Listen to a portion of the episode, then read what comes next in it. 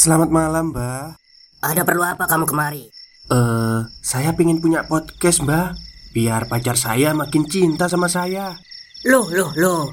Mau bikin podcast kok tanya dukun? Sekarang kamu download aplikasi Anchor.fm. Di situ kamu bisa buat podcast gratis dan podcast kamu bisa didistribusikan ke platform mana pun. Dan di aplikasi atau website Anchor.fm juga terdapat fitur-fitur yang memudahkan kamu untuk membuat podcast. Oh, gitu ya, Mbak. Kalau gitu, saya boleh minta password wifi-nya, Mbak. Buat apa? Buat download Anchor.fm, Mbak.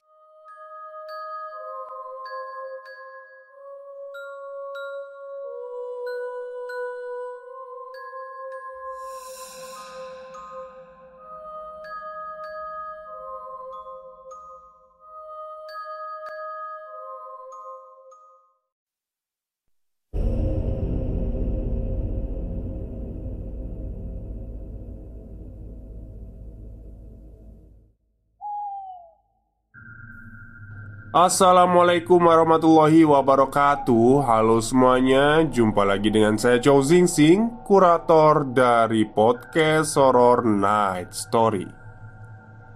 Halo apa kabar semuanya? Semoga kalian baik-baik saja ya.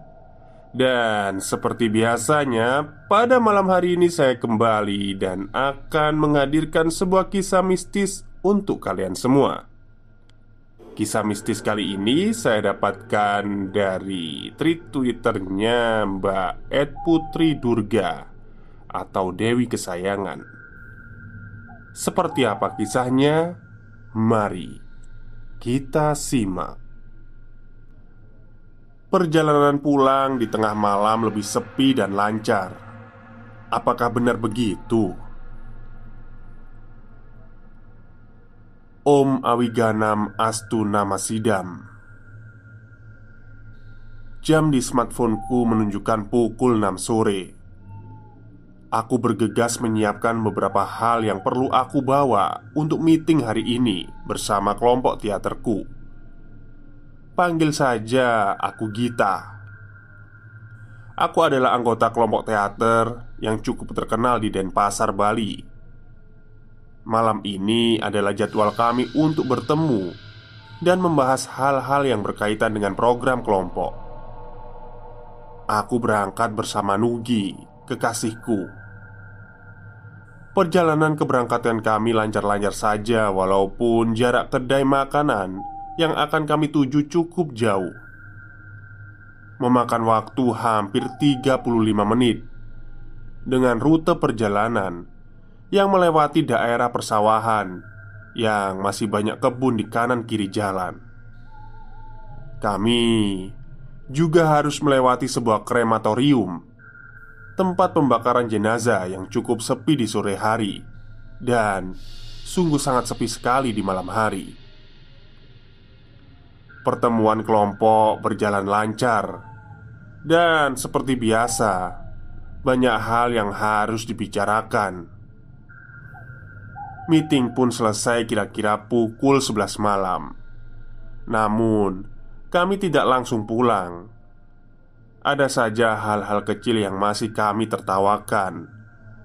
Sampai akhirnya aku dan Nugi memutuskan pulang pukul 12.30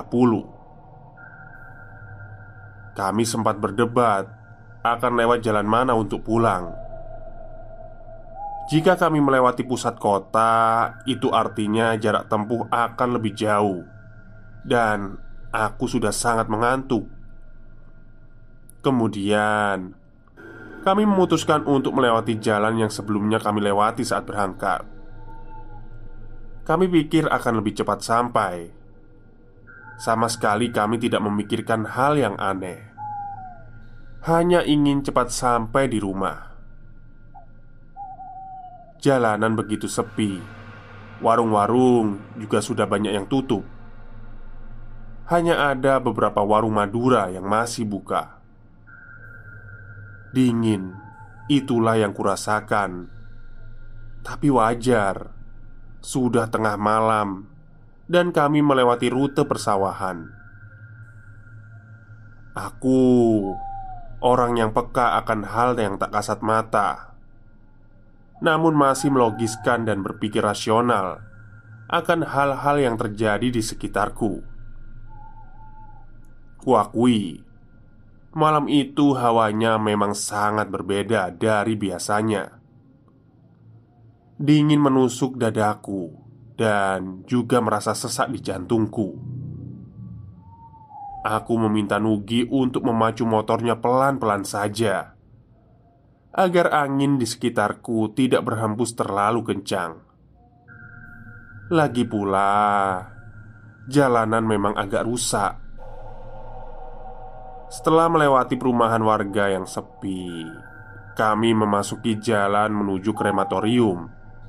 Yang sepanjang jalan hanya ada sedikit rumah warga, dan sisi kanan kiri jalan adalah kebun dengan pohon-pohon besar.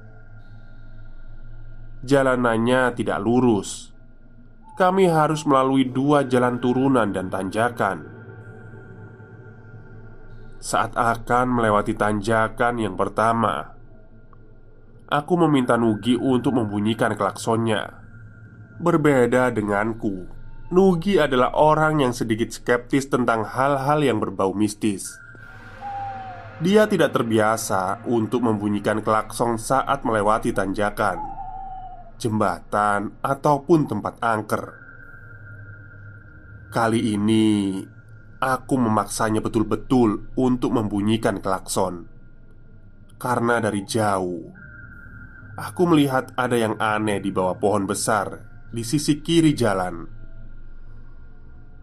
Laju motor mulai mendekati pohon itu. Dengan sangat jelas, aku melihat sesosok perempuan berambut panjang dengan wajah yang sangat pucat berdiri diam di bawah pohon. Wajahnya datar tanpa ekspresi Aku bergidik ngeri Lalu mengucapkan permisi di dalam hati Dan berterima kasih karena sudah mengizinkan kami lewat Stop, stop Kita break sebentar Jadi gimana? Kalian pengen punya podcast seperti saya? Jangan pakai dukun Pakai Anchor. Download sekarang juga Gratis. Belum juga turun bulu kuduku. Saat akan memasuki tanjakan kedua Yang seperti jembatan karena di kanan kirinya ada pembatas jalan Perjalanan kami seperti dihadang oleh dua makhluk hitam besar Yang berdiri di sisi kanan kiri pembatas Aku mencengkram pinggang Nugi begitu keras Dan memintanya untuk membunyikan klakson lagi saat Nugi membunyikan klakson, aku meminta izin untuk melewati jembatan tersebut dalam hati. Seketika, kedua bayangan hitam itu membuka jalan dan membiarkan kami lewat. Lega, lega sekali rasanya. Kami memutuskan untuk tidak melanjutkan perjalanan melewati rute itu karena khawatir akan bertemu lagi dengan banyak makhluk yang tidak kami inginkan. Aku meminta Nugi untuk melewati jalan yang masih sedikit ramai, walaupun harus menempuh jarak agak jauh. Kantukku sudah mulai hilang. Aku pun juga sudah tidak begitu merinding seperti tadi. Namun, apakah ini akhir segalanya? Tidak semudah itu Ferguso Setidaknya Lima menit lagi akan sampai Dan di daerah sekitar rumahku Penerangan yang sangat cukup Dan masih ada pedagang makanan yang berjualan hingga dini hari Tetapi Di bawah terang lampu jalan di sebuah pertigaan Yang di kiri jalannya terpasang sebuah monumen perjuangan dari kejauhan, aku melihat sekelompok orang berjalan menyeberang dari arah kanan ke kiri. Kali ini aku tidak hanya meminta Nugi untuk membunyikan klakson, tapi juga berhenti sejenak. Aku melihat ada pasukan tentara tengah berbaris lengkap dengan senjata di pundaknya. Ada apa lagi sih? Tanya Nugi penasaran Aku hanya meletakkan jari di depan bibirku dan memberi isyarat untuk diam saja dan melanjutkan perjalanan Sesampainya di rumah, aku meminta Nugi untuk segera pulang tanpa banyak tanya dulu Aku masih belum bisa tidur Kantukku benar-benar hilang dan aku penasaran dengan dengan apa yang terjadi tadi. Aku sering pulang malam, tapi tidak sampai seramai tadi. Biasanya aku bisa mengabaikan, tapi tadi sama sekali tidak bisa. Tidak seperti biasanya, perempuan, makhluk hitam besar, tentara. Mereka tidak mengganggu, tapi tetap saja mengagetkan. Setelah aku telusuri, ternyata malam itu adalah malam Kanjeng Kliwon hari yang dipercaya oleh masyarakat Bali sebagai malam yang sangat keramat. Apakah aku kapok untuk pulang tengah malam? Tentu saja tidak. Lain kali akan kuceritakan pengalaman Nugi saat melihat sesuatu di tempat yang sama. Tapi lain kali, sekarang saja keringat dinginku sudah, sudah mengucur saat aku mengetik ini.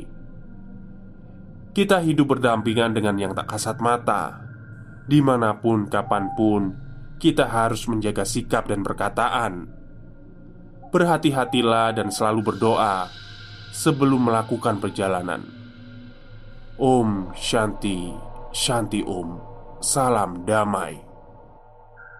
Baik, itulah cerita singkat dari tri twitternya Mbak Putri Durga Dari Bali ya.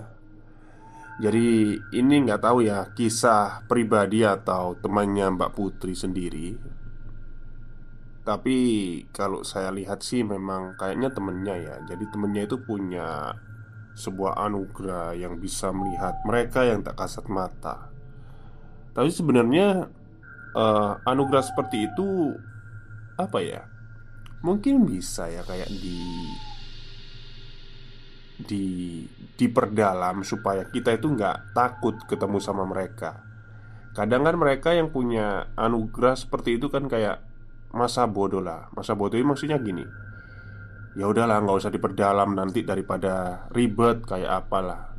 Jadi mereka itu kayak uh, ketika bertemu dengan hal-hal kayak gitu mereka lebih bersikap cuek gitu loh.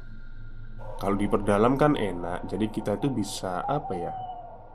Mungkin bisa lah kayak kita menebengi diri kita sendiri agar nggak takut dengan hal yang kayak gitu Terus kayak mungkin bisa jadi kita membantu orang lain juga gitu loh.